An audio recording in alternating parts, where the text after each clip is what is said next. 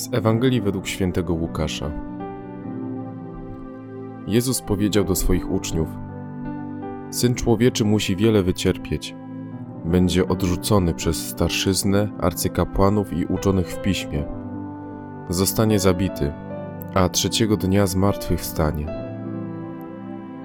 Potem mówił do wszystkich: Jeśli ktoś chce iść za mną, niech się zaprze samego siebie Niech co dnia bierze krzyż swój i niech mnie naśladuje. Bo kto chce zachować swoje życie, straci je. A kto straci swe życie z mego powodu, ten je zachowa. Bo cóż za korzyść dla człowieka, jeśli cały świat zyska, a siebie zatraci lub szkodę poniesie?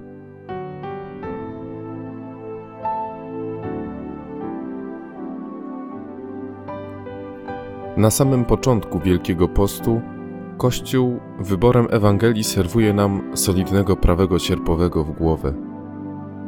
Naprawdę nic, tylko się cieszyć. Każdemu z nas jest potrzebny taki cios, żeby z naszego mózgu w końcu strzepnąć zalegający kurz i nieco wysprzątać tu i tam. Chrystus wzywa nas dzisiaj, abyśmy budowali swoje człowieczeństwo na Jego wzorze patrząc na doskonałość jego człowieczeństwa. Grecki cynik Diogenes Synopy miał zwyczaj w środku dnia chodzić po rynku miasta z zapaloną pochodnią. Zapytany dlaczego tak robi, odpowiadał, że szuka człowieka. I my powinniśmy robić tak samo. Oczywiście nie w sensie dosłownym, lecz przenośnym. I nie będziemy szukać człowieka innego, lecz człowieczeństwa, w nas samych. Prawdziwe spełnienie człowieczeństwa, do którego jesteśmy wezwani, jest tylko w naśladowaniu Chrystusa. Tylko wtedy, gdy On będzie naszym wzorem, będziemy rozwijać się, żyć coraz pełniej i osiągać szczęście, bo właśnie do tego jesteśmy powołani. To jest sens słów Chrystusa, który mówi, że nie ma większej wartości dla nas niż nasza dusza i nasze prawdziwe człowieczeństwo. Żadna władza, żadne pieniądze, żaden sukces nie da nam szczęścia, jeśli dążąc do tego odczłowieczymy nasze myślenie, relacje, zachowania. Jeśli zatracimy siebie, zatracimy radość z życia, a wyrządzając szkody na swojej duszy, pozostaniemy z uczuciem wyjącej w nas pustki.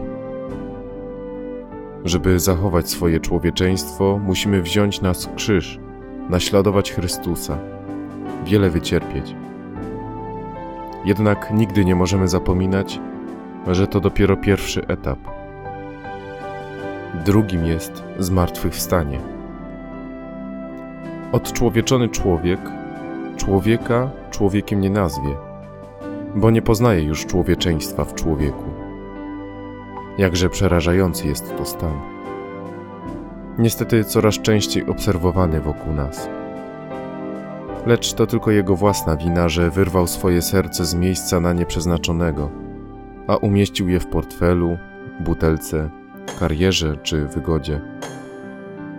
Nic więc dziwnego, że taki człowiek, widząc drugiego, który zachował swoje serce na właściwym miejscu, nazwie go głupcem.